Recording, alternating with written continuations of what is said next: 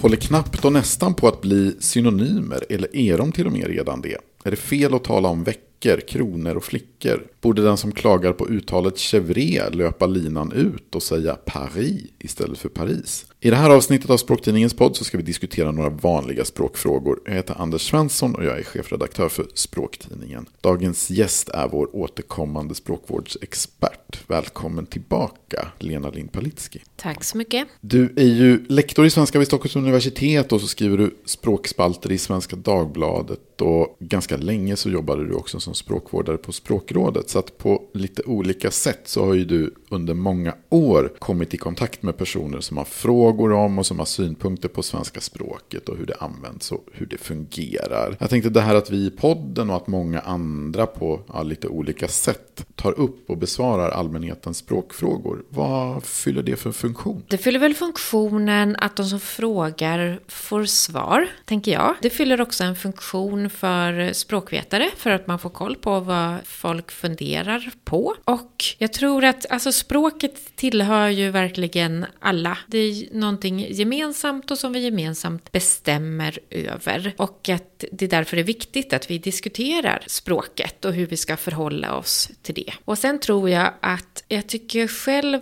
att det som är mest givande när man ger svar på språkfrågor det är att man ofta kan sätta in saker i någon typ av större sammanhang. Att man kan kan säga att ja, men det här är inget nytt fenomen, det har förekommit länge och det här som du stör dig på, ja men det kanske inte finns skäl för det eller man kan jämföra med andra saker. Som språkvetare har man ju ändå någon typ av kunskap och insyn i hur språket fungerar och kanske en mer sammanhållen och komplex bild av vad språket är. Man talar ju ofta, ja, när det gäller forskare som du är, att man har så att säga, den tredje uppgiften som innebär att ja, men ägna sig åt folkbildning kan man väl helt enkelt säga. Så det är det lite det här är. Det kan man väl säga. Det finns ju någonting väldigt fint i begreppet folkbildning tycker jag. Och jag gillar det väldigt mycket själv. Jag gillar att bildas av andra som är experter. Sen kan man ju tycka att det finns något väldigt nedlåtande i begreppet folkbildning. Som att jag skulle vara någon typ av elit som nu ska bilda de breda massorna. Och jag tycker väl att Eh, det intressanta är ju den här diskussionen. Att jag lär mig ju en massa saker av de frågor som jag får av människor och förhoppningsvis så kan många människor lära sig någonting av det som jag svarar. Och att man mer kanske ska se det som en typ av diskussion och utbyte. Vi ska som sagt ta upp en del vanliga språkfrågor i det här avsnittet och Eh, gemensamt för de här det är ju då att de är anmälningar till Språkpolisen på Språktidningens webbplats så finns det en särskild liten avdelning som heter just Språkpolisen och där så kan man ju då anmäla sånt som får en att stanna upp eller att studsa till eller att spetsa öronen lite extra så i språket. Vi ska börja med en anmälan från John. Och jag tror att han har eh, reagerat på någonting som, ja men min känsla är att det här är någonting som har ökat på sistone. Han skriver så här. Det har nyligen blivit väldigt populärt att använda verbet lämna i betydelsen ge sig av. Detta görs på tv, i tidningar, i arbetslivet och allt mer i vardagsspråket. Jag måste tyvärr lämna. Men lämna vad? Rummet? Landet? Sveriges mästerkock? På mitt modersmål svenska är lämna i högsta grad transitivt. Utan ett objekt känns meningen ofullständig. Jo, jag vet att engelskan har samma ord för att lämna och ge sig av, skriver John. Till att börja med, det här med att vi har lämna och utan eh, objekt, är det ett nytt fenomen?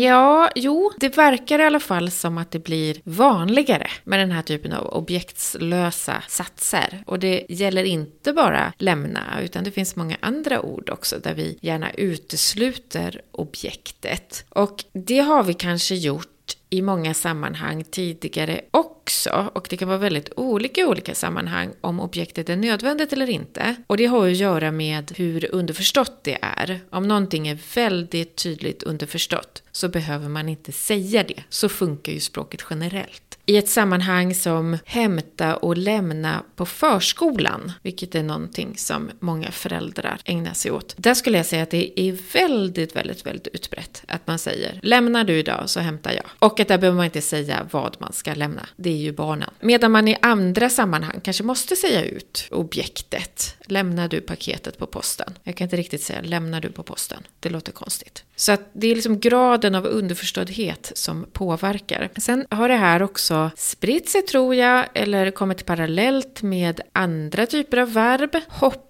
hoppa är ett sånt. Vi kan ju till exempel säga när vi pratar om den här podden, om vi ska hoppa över en fråga, så säger vi bara, ja men vi hoppar, utan att nämna den här frågan och utan att säga hoppa över. Så då verkar det som att den typen av verb kan användas på det sättet. Ibland blir det också skillnad beroende på om man skriver ett objekt eller inte. Vissa ord kan ju användas både med och utan objekt. Jag kan säga läser du utan att säga någonting om vad du läser. Då kan det betyda är du en läsare som brukar läsa? Det kan betyda sitter du och läser eller scrollar du på telefonen? Eller vad det nu är, det kan användas på lite olika sätt. Vi kan också ha ett objekt och säga läser du en text? Läser du en bok? Då får det lite annan betydelse. Då är det liksom någonting mer avgränsat i tid. Att ja, men jag läser den här texten och när jag har läst färdigt texten är den slut. Så att vi kan använda, det här är liksom resurser i språket som vi kan använda på olika sätt. Vi kan använda objekt ibland och utan objekt ibland och det får lite olika, lite olika betydelser helt enkelt. Sen tror jag att ungdomar, i alla fall mina barn där hemma, de kan säga så här, driver du? Och inte behöva säga, driver du med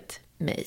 Att man använder den här typen av nakna verb på det sättet. Och det skulle jag säga är nytt för de senaste åren. Och när det gäller då just verbet driva, alltså. Mm, precis. Det som John är inne på här, jag tycker ju att man ser det här bruket ganska mycket i medierna. Just det här då att eh, lämnar. Kan det möjligen vara så, jag tänker att det känns som att det kräver en viss förförståelse att om det står till exempel Zlatan lämnar, eller vad det nu är, då är det som att då utgår den som har satt den här rubriken eller den här formuleringen, utgår från att du vet vad Zlatan lämnar. Att det har kanske funnits en diskussion om att han ska lämna sin klubb eller något sånt där. Är det där det kan skava lite om vi inte har samma förförståelse? Jo men absolut, eftersom det här objektslösa bygger på att någonting är underförstått så måste det vara underförstått både för den som, som läser och den som skriver. Och det är klart att det skaver då om den som läser inte vet vad som är objektet. Men det här som John tar upp, att man i olika tv-program, till exempel, jag måste tyvärr lämna, då kanske det ganska ofta är underförstått vad det är man måste lämna. Men klart irriterande om man inte förstår det. Nästa anmälan den kommer från Rolf. Jag retar mig på det utbredda oskicket att byta ut O mot E i ord som kronor, sträckor, veckor. Alltså som kronor, sträckor, veckor då. Det här sker mycket av personer som borde kunna svenska. Nyhetsuppläsare, programledare, sportkommentatorer och så vidare. Och ibland ändras ordets betydelse. Pappor blir papper till exempel. Det här är ju ganska utbrett tycker jag. Att man kan höra kronor, sträcker, veckor. Är det här ett nytt bruk? Nej, jätte jättegammalt. Det här är ju, har ju funnits i dialekter alltid, skulle jag säga. Och sen är det ju så att vi, att vi har ett gemensamt skriftspråk. Och det är jättebra och jätteviktigt. Men det har vi ju haft liksom i drygt hundra år. Det är ju inte så långt tillbaka i tiden. Och innan dess så skrev man också mycket oftare i vissa dialekter som flickor och veckor böcker och, och sådana saker. Så att det här uttalet har funnits länge och talspråket så kan vi ha den här typen av variation. Sen är det jättebra att vi i skriften skriver på samma sätt. Men dialektala skillnader i uttalet, det har förekommit alltid och det tycker jag att vi ska ha tolerans för. Rolf är inne på här att Eh, pappor och papper, ja det kan ju vara olika saker. Finns det en fara för missförstånd här tror du? Det är klart att det i teorin går att konstruera exempel där det skulle kunna blandas ihop. Men i det faktiska livet och i det faktiska språkbruket så brukar den risken för sammanblandning vara oerhört liten. Sen är det Simon som skriver. Han skriver så här. Jag har sett vid några olika tillfällen att Sveriges Radio använder dem, alltså skrivet då DOM för de och dem i artiklar på webben. Hur ser konventionen ut här numera? Är detta accepterat? Ja, vad säger du Lena? Är det här accepterat? Här tycker jag är en intressant fråga. Jag har ju speciellt intresserat mig för den och vi har ju spelat in ett helt avsnitt som handlar om just de och dem. Huruvida det är accepterat just på SR kan jag inte svara på, men jag tror att språkvårdarna där skulle säga att det är okej att använda. Jag skulle också säga att det är okej och att det är mycket, mycket bättre att använda dom, DOM, om det är så att man är osäker på D och dem. Därför att ett felaktigt D eller framförallt ett felaktigt dem, det sticker ut och stör läsaren väldigt mycket, det vet vi. Men att använda dom sticker inte alls ut och stör på samma sätt. Det verkar många kunna acceptera. Så att jag tycker att det är en jättebra strategi att använda, framförallt för den skribent som är lite osäker på det och den. Eller så är det en skribent som går i bräschen och tycker att nu är det faktiskt dags för en domreform. Och då tycker jag all heder till den skribenten. För jag tror att då kommer man bli utpekad som någon som låg i framkant i framtiden. För det här är ju en, en förändring som jag tror kommer att komma. Och några måste ju börja. Men å andra sidan så tänker jag att vi trodde väl egentligen att den här förändringen skulle komma också kanske säg under 70-talet och början på 80-talet när det fanns en sån där stark skriv som vi talar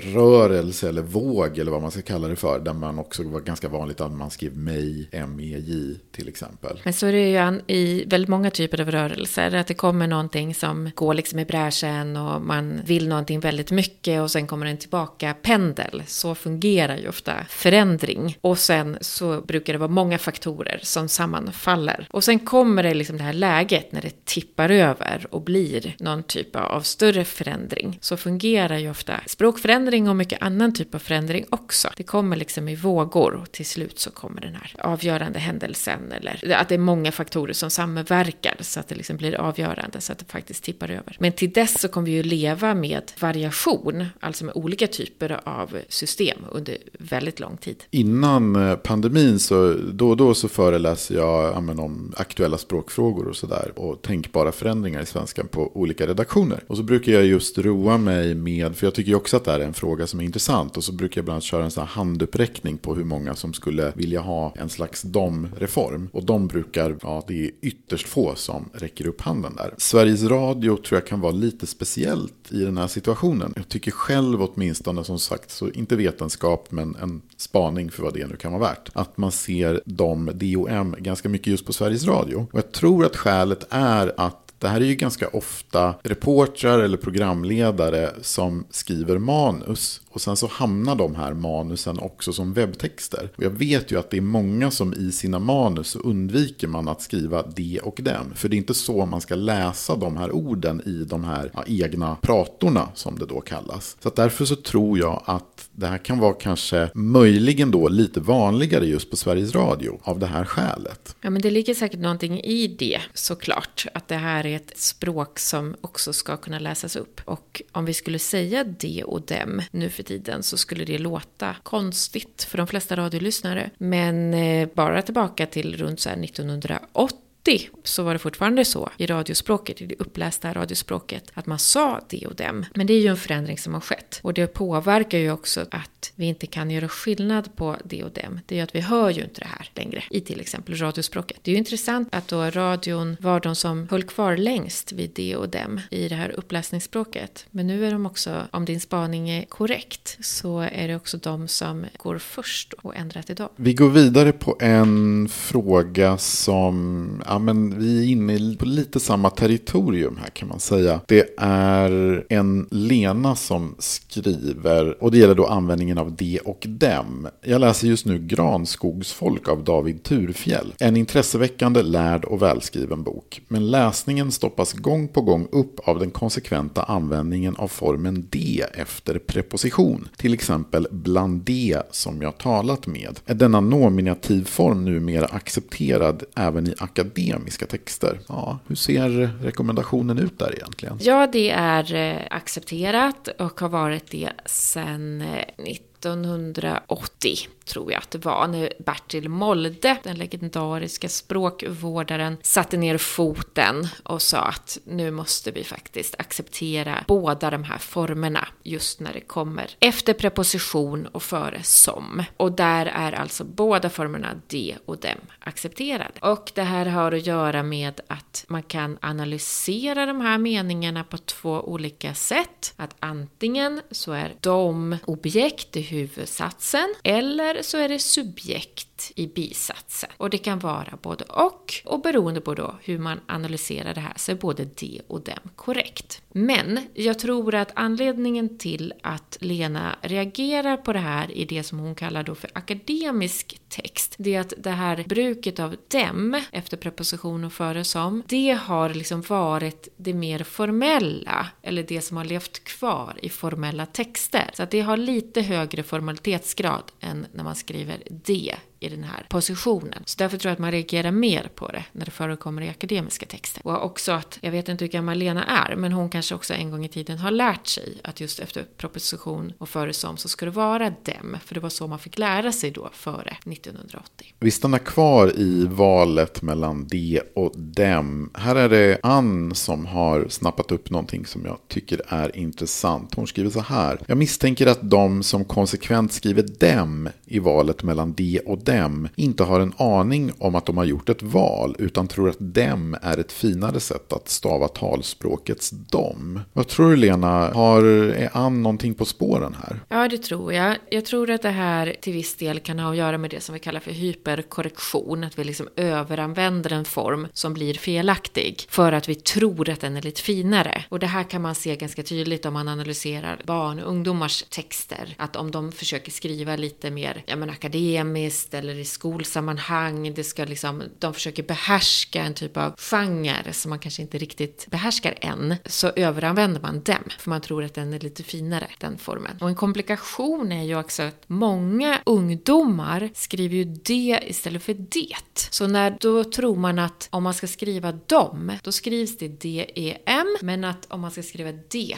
då är det istället för det. Och så använder man inte den här formen det som pronomen. Så att det finns mycket liksom komplikationer här som påverkar det. Så det är också därför som man vill slå ett slag för den här domreformen. Det skulle förenklas så mycket för så många. Så skulle man kunna ägna mycket tid i skolan på andra saker. Om vi nu gör dig till hypotetisk domreformsminister. Skulle du i en domreform, skulle du också inkludera till exempel de blåa skorna? Alltså vi, det finns ju ett dom som också används som bestämd artikel. Eller skulle du hålla fast vid de blåa skorna där? För jag tycker att ibland så kan man ju se till exempel dem blåa skorna. Hur skulle mm. du göra där? Nej men om vi ska ha en domreform, då måste ju de vara genomgående, även som artikel. Så tänker jag. För att det ska bli lätt. Alltså syftet med en reform är ju att det ska bli lättare för fler människor. Men jag håller med dig om att det är den svåraste att ersätta. Om jag själv skriver texter och försöker skriva dem, vilket jag gör ibland, då måste jag i efterhand gå tillbaka och ändra just på de här positionerna när det är artikel. Det kommer inte naturligt, de är liksom svårast. Men eftersom vi uttalar även när det är i artikel så uttalar vi ju det som dem, så finns det ju ingen logik vid att vi skulle hålla kvar det vid, vid det. Så de som röstar i personval då här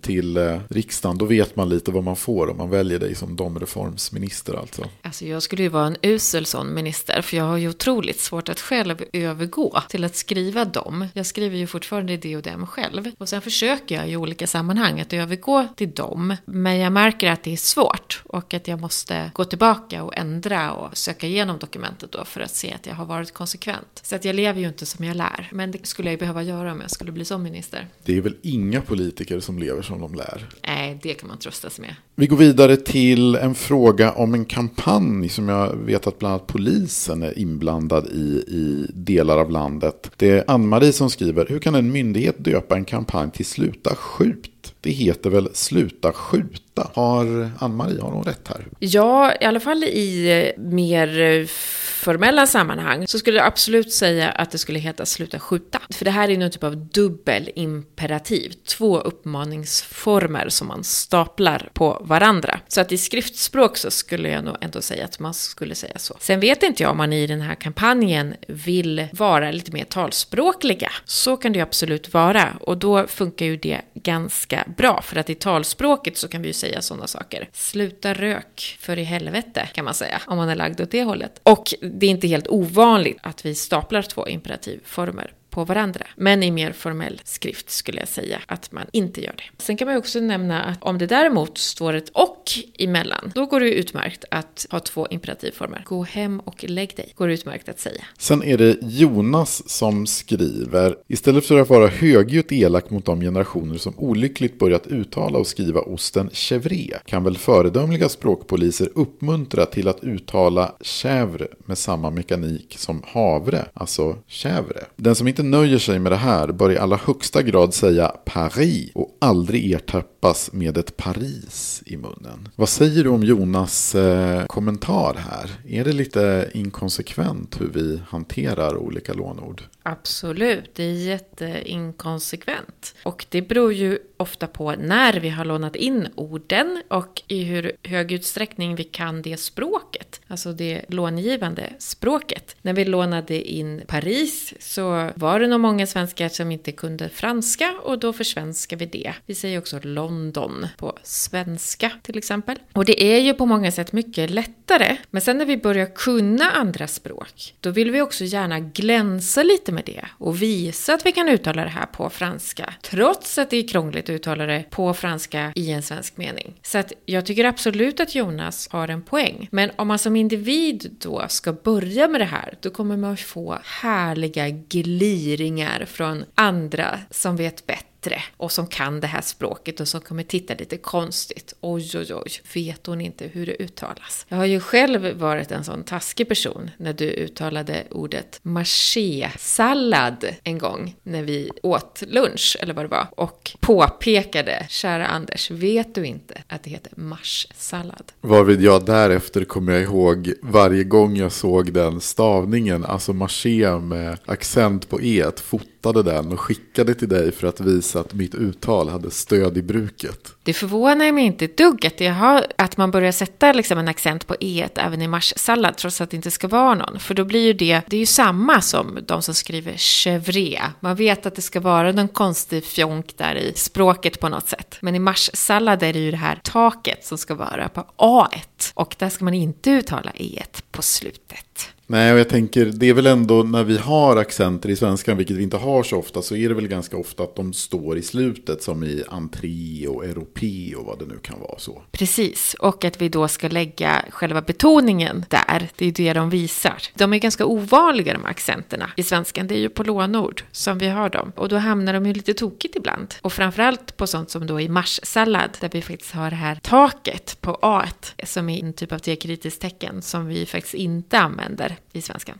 Nästa anmälan den kommer från Örjan. Jag uppfattar ordet knappt som att man är besviken för att det inte var mer. Ordet nästan däremot antyder för mig att man är imponerad över att det är så mycket, alternativt är ordet neutralt. Exempel. En skolklass samlade pengar till något välgörande ändamål och fick läsa i tidningen att de lyckats få ihop knappt 50 000 kronor. Som förälder skulle jag ha blivit störtförbannad. Men det tycks inte vara många journalister som ser den betydelseskillnaden. Det är knappt en enda gång som jag ser nästan. Det är nästan nästan alltid knappt. Hur ser de här definitionerna ut egentligen av knappt och nästan? Är de synonymer? Mm, här tycker folk lite olika. Så är det. Nästan är väl alla överens om att det är neutralt, att det inte har någonting negativt, utan det betyder bara att det är nästan 50 000 kronor. Medan knappt kan ha den här negativa, vi förväntade oss mera, men vi fick inte ihop 50 000. Och det är väl det som han läser in här, för att han själv har den uppfattningen att det här är någonting negativt. Men alla språkbrukare har inte samma språk, magkänsla när det gäller det här. Så att här kan det bli lite krockar. Folk har olika känsla. Och det är samma sak som det här med drygt, som du har pratat med Susanna Karlsson om i något avsnitt. Där språkkänslan för vad det här ordet betyder skiljer sig åt och att det är lite beroende av ålder. Att vissa uppfattar det som att det betyder nästan, eller som att det betyder ungefär. Det är drygt 50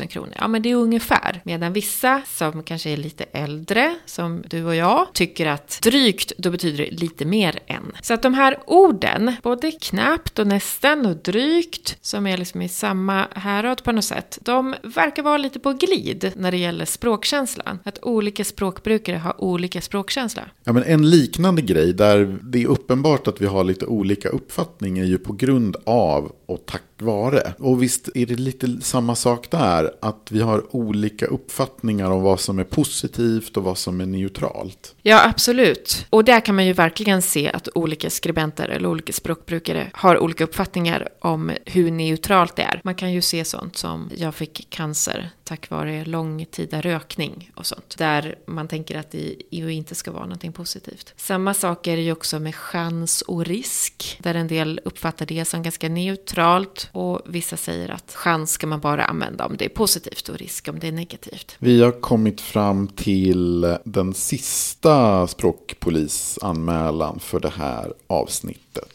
Det är Nol som tar upp någonting som han, hon, hen har läst i en annons. Nu har de episka berättelserna släppts. Enligt ordböckerna betyder episk berättande. Nu har alltså en berättande berättelse släppts. Nu för tiden verkar episk ha fått betydelsen allmänt häftig, skriver Nol. Ja, har det skett någon förändring här? Ja, det har det ju absolut. Det betyder berättande, det kommer av epik som betyder berättande litteratur. Men det här adjektivet episk, det har fått en vidare och större betydelse som betyder liksom storslagen eller fantastisk i största allmänhet. Sådär. Och det här verkar ha peak någon gång i svenskan runt 2014. Men man kan se att det kom in i svenskan i den här betydelsen, etablerades 2007, 2008 någonstans där och blev lite av ett modeord. Och det kan man också se genom att det börjar dala. Att vi har färre träffar om man söker på det här nu. 2020 var det hälften så många träffar som man sökte på det 2014 till exempel. Och vi har fått det från engelskan där det har genomgått samma typ Typ av betydelseförskjutning. Och det verkar som att det har spridit sig väldigt mycket i datorspelsvärlden. Där man har pratat om sig